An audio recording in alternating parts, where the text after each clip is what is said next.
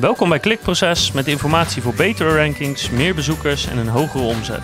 Elke werkdag praktisch advies voor meer organische groei via SEO, CRO, YouTube en Voice.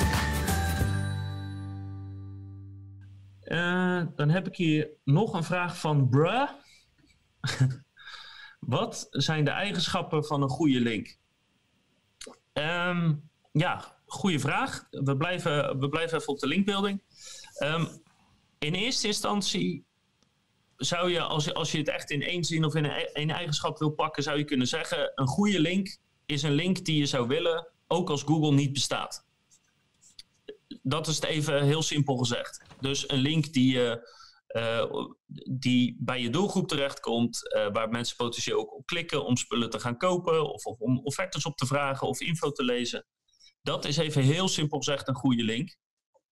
Um, maar linkbuilding technisch, um, ja, kan dat wel wat verder gaan. En uh, dan moet je vooral gaan kijken naar wat is een goede link. Een link die geplaatst wordt op een website die al heel veel goede linken heeft. En dus uh, een ultiem voorbeeld daarvan is uh, Wikipedia bijvoorbeeld. Hè, die, die weet ik voor hoeveel miljoen backlinks heeft. Um, dus daar moet je naar kijken. Een website die gewoon veel goede linken heeft. Het tweede is, uh, krijgt die website ook daadwerkelijk bezoekers via Google binnen? Dat is om precies te zijn niet een vereiste van een goede link, maar wij hanteren het doorgaans om te zorgen dat je niet een link krijgt vanuit een, uh, een PBN. Dat je niet iets wordt aangesmeerd, zeg maar.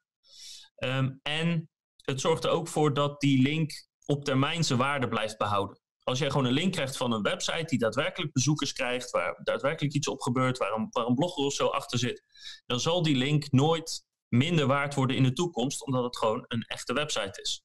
Um, terwijl als je een link krijgt die wel goede waardes heeft uh, qua linkje die die binnenkrijgt, maar waar geen bezoekers op komen, dan achten wij de kans groter, simpel gezegd, dat op termijn zo'n website zijn waarde gaat verliezen. Um, dus moet veel backlinken binnenkrijgen, moet organisch verkeer binnenkrijgen. Uh, wij hanteren meestal, uh, als je het bijvoorbeeld checkt via een tool als Ahrefs, dat het minimaal 500 bezoekers per maand is. Dat is een beetje ons, ons cut-off point. Um, het derde is dat die link op een pagina geplaatst wordt die gerelateerd is aan jouw onderwerp.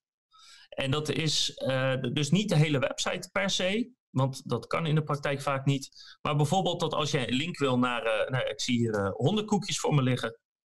Als jij een link wil hebben naar jouw hondenkoekjespagina, dan moet de pagina waar de link op komt enigszins gaan over honden, honden eten, hondenkoekjes.